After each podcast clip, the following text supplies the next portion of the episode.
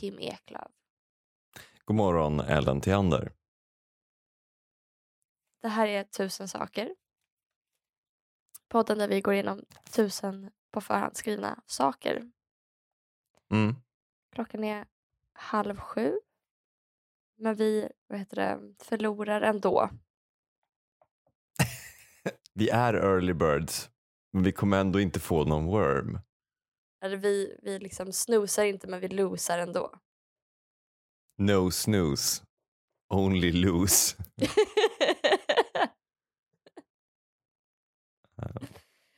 ja.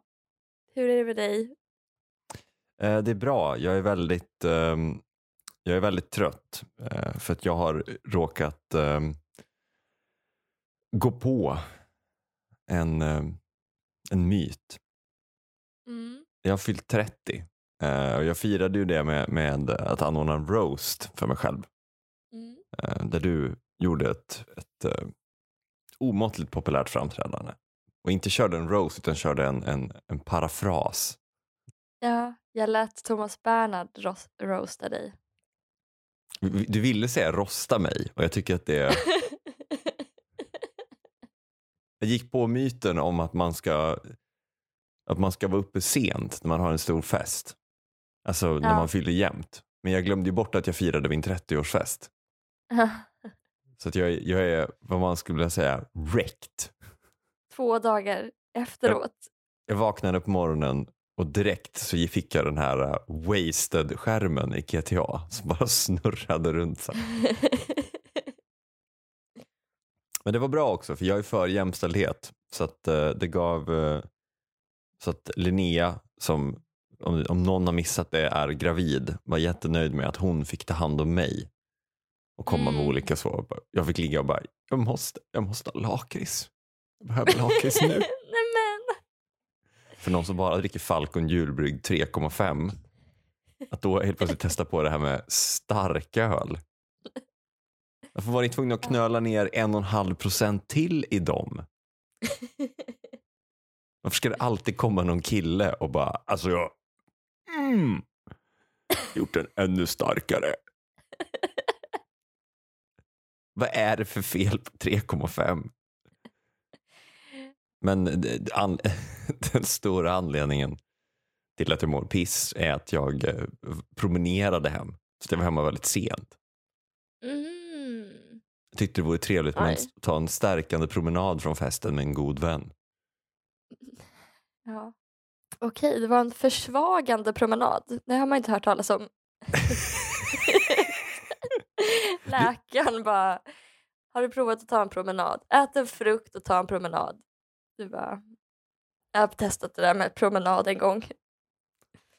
Det gick inte bra. Alltså försvagande promenad, är inte det löptur? För mig är det det i alla fall. Ja, Men Jag, jag blir menar, svagare. tar man en promenad så kommer man ju, alltså, jag antar att du är likadan, du tar en promenad och så, så liksom är du fan dopad efter att ha tagit en promenad. Ja. När, jag, när man har sprungit, då mår man ju liksom skit. Promenad är liksom den enda träningsformen jag kan stå ut med. Mm. För att jag eh, klarar liksom inte marshmallow-testet. Alltså jag kan inte vänta på att så här, jag ska bli frisk imorgon eller Mm. om flera år. Mm. Eh, jag, alltså jag vill må bra nu.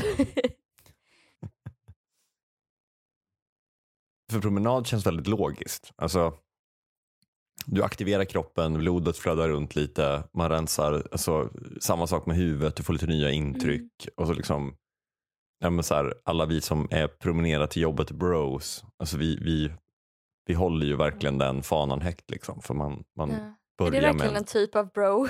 Eller hittar du bara på nu? det, man kan lägga bros på allt så blir det ett skämt.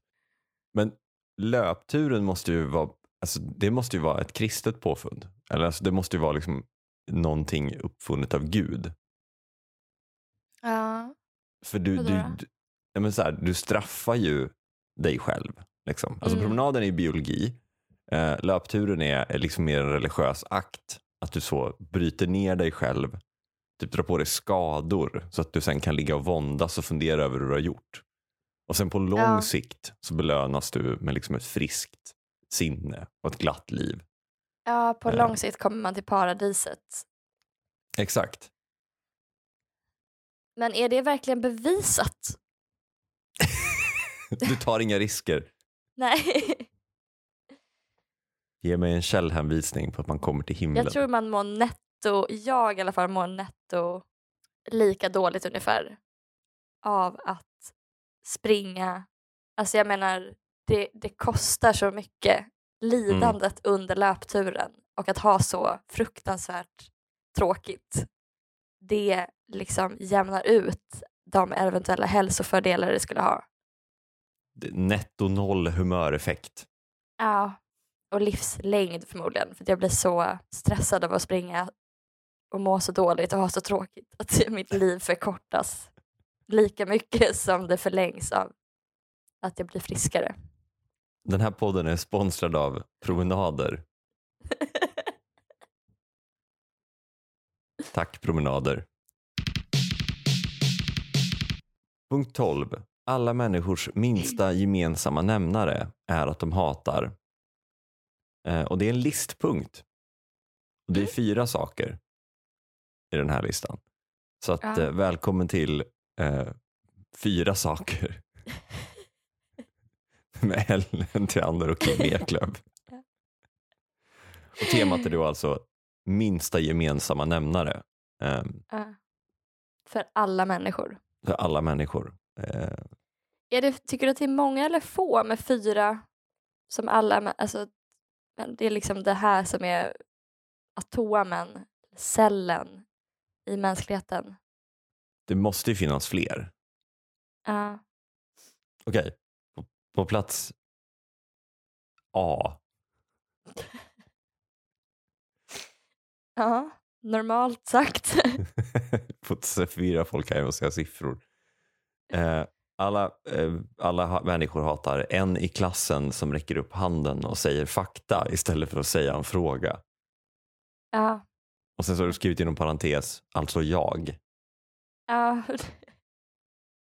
ja, alltså min dröm när jag började på universitetet var att eh, alla skulle räcka upp handen och säga fakta istället för eh, istället för att ställa frågor.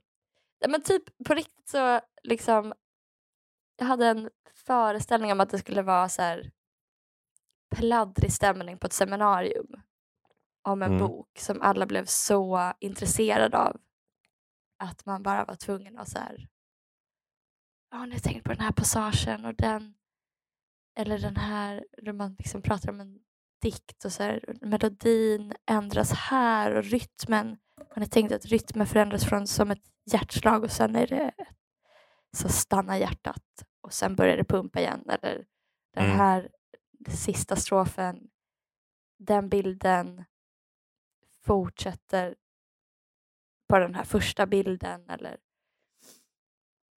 så där tänkte jag att det var. Men Mm. sen så kommer man till litteraturvetenskap A och det är en massa människor som bara pluggar det innan det de pluggar det de egentligen ska plugga. För att typ vila lite i någon termin eller två. Eh, Ursäkta, vem fan, vem fan läser litteraturvetenskap för att chilla lite? Ja, det kan man fråga sig. Då läser man ju typ så här dinosauriernas historia. Det finns ju en viss typ av människor som, som varje gång de ser en fågel pekar och säger Det där är eh, dinosaurierna. Ja, just det. Det är sjukt att de har blivit så små. Jag, jag vet inte varför det är Kenta just som säger det. Men sådana är de. ja, Alltså det är ju en sak om det är intressanta grejer, men är det på liksom ett, ett seminarium så är det, ja, tanken är ju att det ska uppstå ett kunskapsutbyte. Alltså tanken är ju att det ska vara som det var i din dröm. Liksom. Och det är ju Mm. jätteintressant på typ B och C-nivå. mm. Men på A-nivå så är det fortfarande som att alla ska lära sig alfabetet. ja just det. Och så, och så pratar man om, om eh, A till exempel. Mm. Och så är det någon som liksom räcker upp handen och bara, alltså det jag tycker är så spännande med A är att den kommer före B. Man bara, vi, ja, det gör den. Det vet vi också. Vi har läst samma bok som du har. ja, jo, det är verkligen sant. Ja. Um, så det, det avslöjar liksom mer om den som talar. Man känner, jag, vill inte, jag vill inte veta att du är fascinerad, att du har läst den här boken och nu är fascinerad över att B kommer efter A. Ja, Eller kommer egentligen A före B? dekonstruera alfabetet. Det dekonstruerade alfabetet. Jag menar ord ja, just det.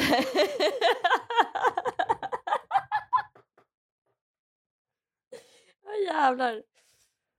Ja, gåshud. Nu åker vi. Nej, men så här, jag har varit på några sådana säkerhetsmöten um, och då är det ganska uppenbart vilka som är liksom möpar. Och då kan det bli sådär, liksom, att de går igenom olika procedurer för att, för att skydda samhällsviktiga strukturer. Liksom.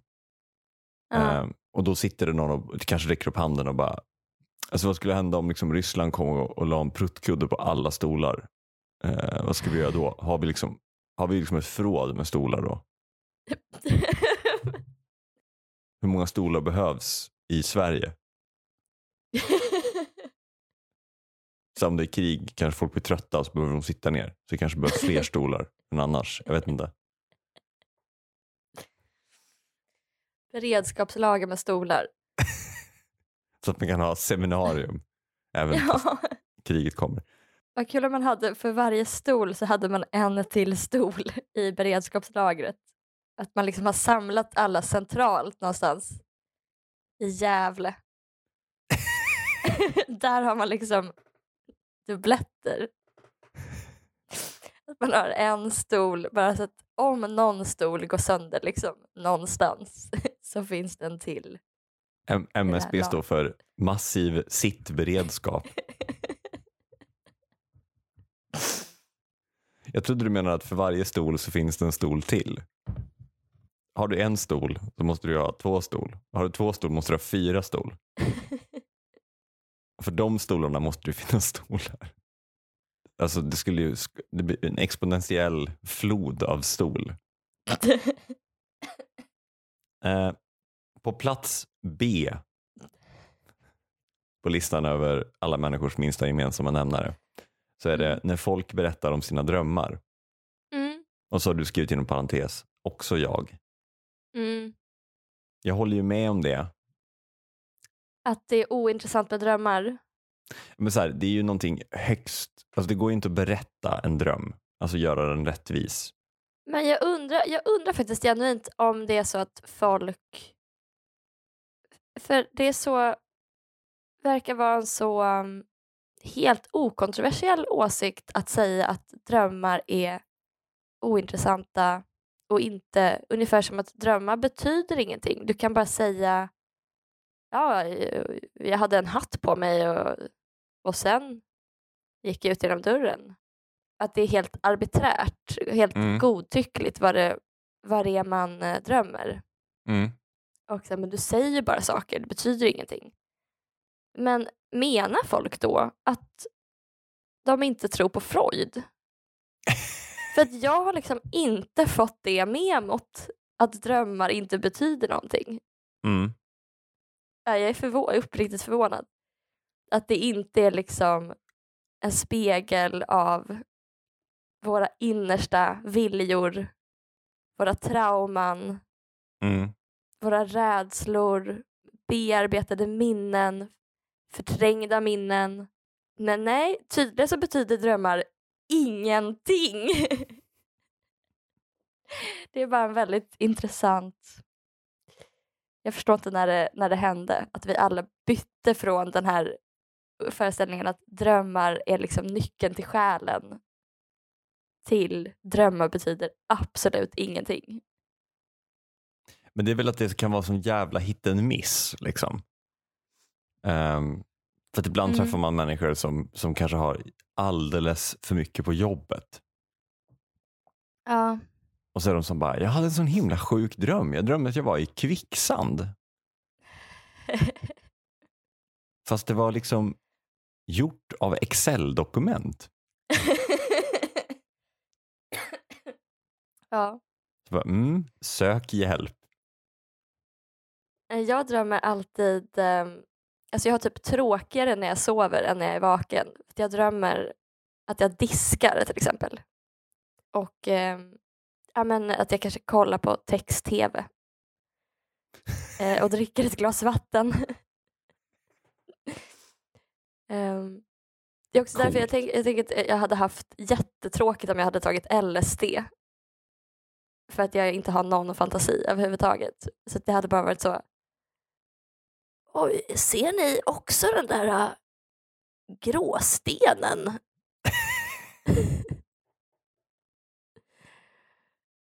är det bara jag eller är det där en disktrasa? Jag drömde att det räckte, det räckte bara med en fingernagel diskmedel. Så blev det jättemycket lödder. Sjuk dröm. Ja. Så jag går i psykoanalys nu. ja. På, på plats C, Mm. små hundar. A.k.a. tjej eller böghundar.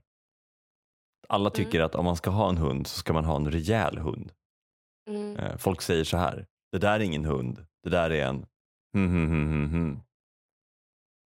Och det här är för att eh, folk hatar tjejer och bögar. Just det. det där är en... Och sen sätter man dit ett ord, vilket ord som helst som inte är hund. Det där är ingen riktig hund. Det där är ingen hund. Det där är en... Fotpall. Känner du fortfarande att det stämmer? Jag tror att det stämmer. Jag tror att även eh, ägare till små hundar bär på ett internaliserat eh, eh, småhundshat och alltså är misogyna homofober. Jag håller att med. Även, eh, även s- hundägare till små hundar säger så här, ja men, men just min hund, den har sån karaktär. Så det, är som, det är som att ha två hundar hemma. Jag, jag upplever att jag också mött det från människor som har små hundar. Ehm, ja, men så här, eh, vår familjehund, den är ju toppen. Mm. Det är en liten hund, men det är en terrier. Mm. Så det är ändå en, vad ska man säga, potent hund. Alltså, Ja precis, det är det här alla säger. Det här är ordagrant. ja, men exakt. Ja. Ja, jag förstår det nu. Jag förstår Mm. det nu. Men den är inte störig. Nej, den är faktiskt otrolig. Jag hatar ju stora hundar mer Mhm. egentligen. Din hund Edvard är ju min liksom mardrömshund. Sen så Jaså? förstår jag att Edvard gör dig väldigt glad. Eh, Ja. Så att jag är glad för din skull. Ja. Men eh, människor med stora hundar, det är liksom, men så här, jag ska åka tåg och för att göra min resa så trevlig som möjligt så har jag med mig den här höbalen som jag måste hela tiden hålla liksom, ordning på. ja. Den här, den här högen med 30 svärd. ja, så är Men det, det, är liksom, verkligen. det är som människor som har labbar. Som bara, ja, vi älskar vår labb, men vi kan inte ha någonting eh, på bord och hyllor. Så vi bara bor i en stor madrasserad cell. Det är när man tycker att livet var för lätt på easy mode. Exakt. Så måste man bara föra in ett så kaotiskt element. Men din, din hund är ju så. Ja, Den hatar män. ja. Den är rädd för allt och alla. Den är jättestor. Den kan inte gå ut. Alltså det har verkligen gått i fem år som jag har haft min hund så har den inte velat gå ut. Och man måste ändå gå ut så här tre, fyra gånger om dagen. Och då undrar man varför har jag valt att leva mitt liv på det här eh, förnedrande sättet. Ändå älskar man dem ju. Det är ju det. Eh, Mm. Han har sina fördelar. Som vad? som jag inte kanske har utforskat ännu. Eh, på plats D har du skrivit undrar vad som är mest pop att vara för. Mm. Vad som är människors minsta gemensamma nämnare som alla gillar. Mm. Och det, det säger ju någonting om vår tid för då har du skrivit ordning och reda i statsfinanserna. Och sen så har du skrivit utbildning som svar på fattigdom. Ja, just det.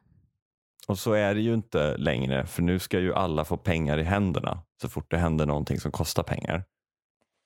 Så Ah. ordning och reda i statsfinanserna kan vi stryka. Mm. Eh, och utbildning som svar på fattigdom har ju ersatts av, läser till här, skjut dem eller sätt dem i fängelse. Just det, just det. Mm. Döda alla fattiga. Mm. Det, det är kanske den mest populära åsikten faktiskt. Det som verkligen enar oss alla. Stop being poor. Alltså den bara, Mm. att den- Ja. man, man känner lite så. Till och med sossar känner ju så.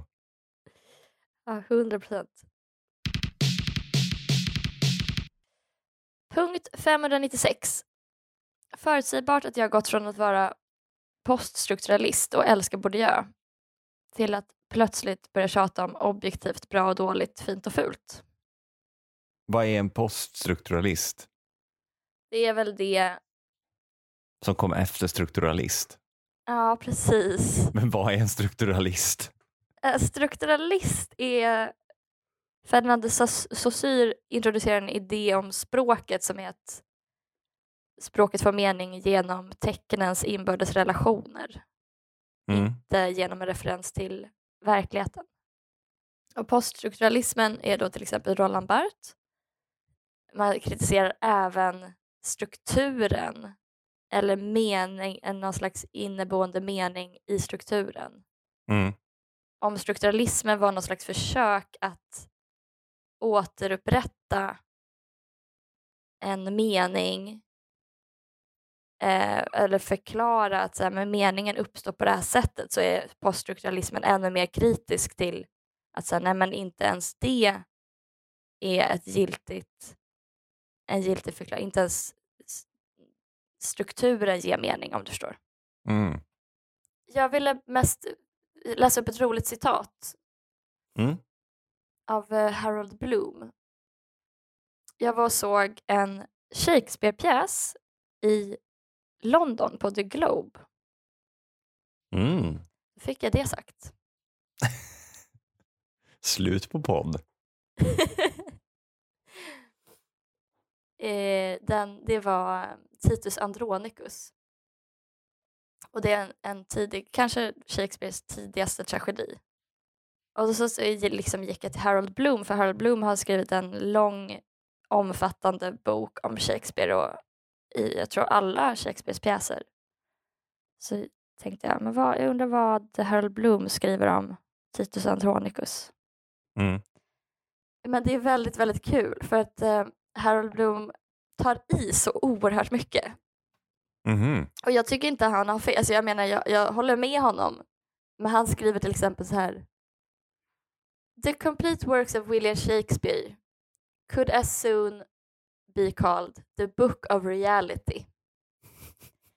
Fantastic as so much of Shakespeare deliberately intends to be. I have written elsewhere that Shakespeare is not only in himself the Western canon, he has become the universal canon. Perhaps the only one that can survive the current debasement of our teaching institutions here and abroad. Every other great writer may fall away to be replaced by the anti elitist swamp of cultural studies. Shakespeare will abide, even if he were to be expelled by the academics, in itself most unlikely. He extensively informs the language we speak. His principal character have become our mytholo- mythology. And he, rather than his un- involuntary follower Freud, is our psychologist. James Joyce and T.S. Eliot would have liked to prefer Dante over Shakespeare, yet could not. We are lived by drives we cannot command, and we are read by works we cannot resist. We need to exert ourselves and read Shakespeare as strenuously as we can, while knowing that his plays will read us more energetically still.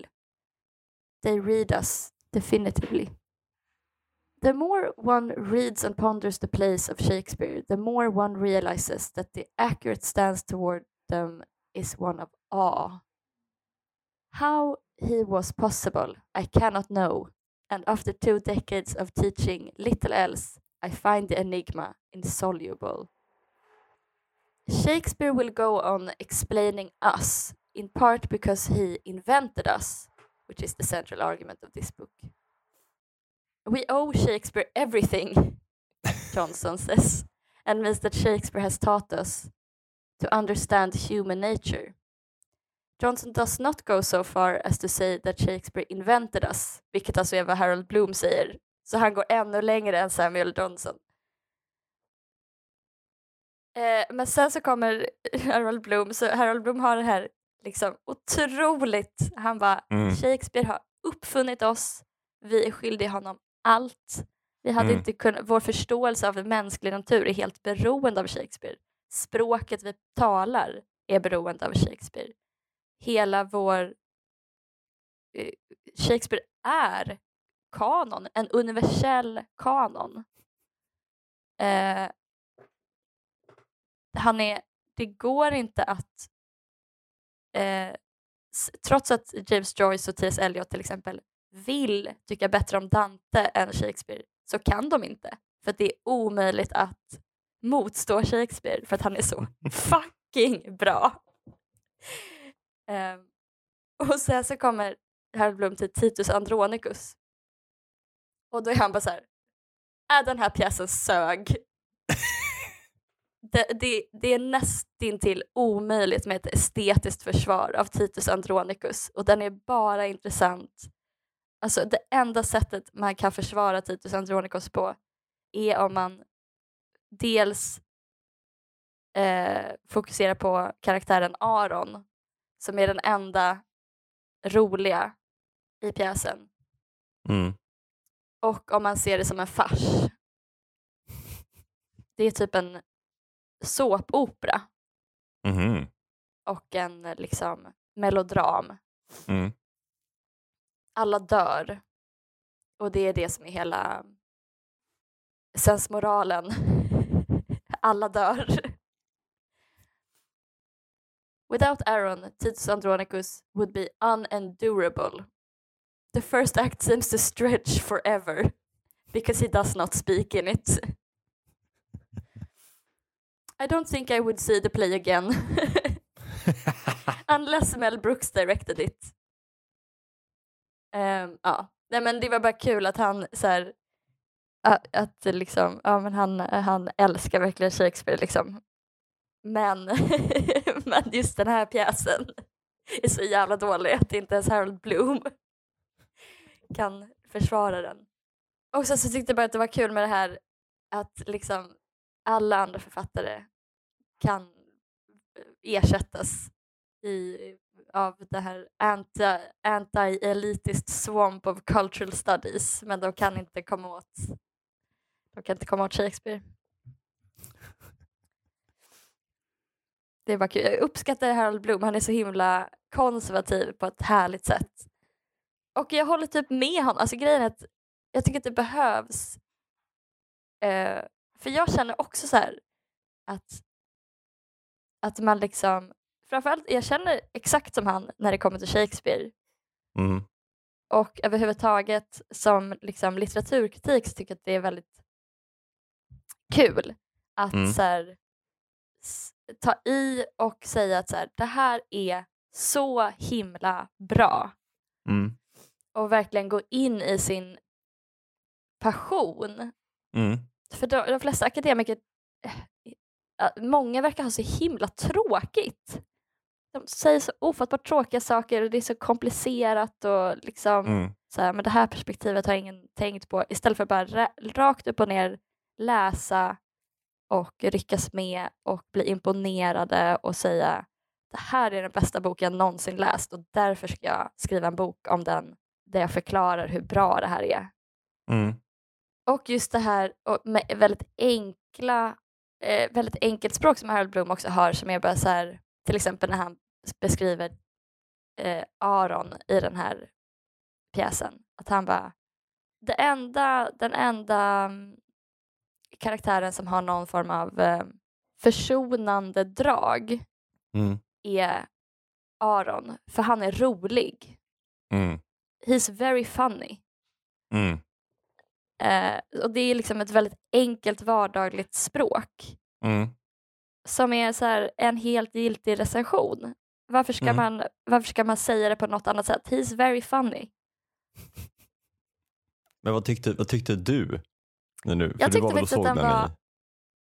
Jag, jag undrar om de kanske har läst hans eh, bok för att eh, de, de hade gjort det till typ en musikal och Harold Bloom säger det enda jag kan tänka mig man kan göra med den här pjäsen är att göra om det till en musikal. Så, och att göra den liksom, till en rolig, eh, Mm. att man överdriver farselementet em, och melodramen och liksom göra om det till en musikal och det hade de gjort. Så att, eh, och den var väldigt rolig och bra. It's funny, very funny. It, it, it was very funny. Framförallt Aron var very funny.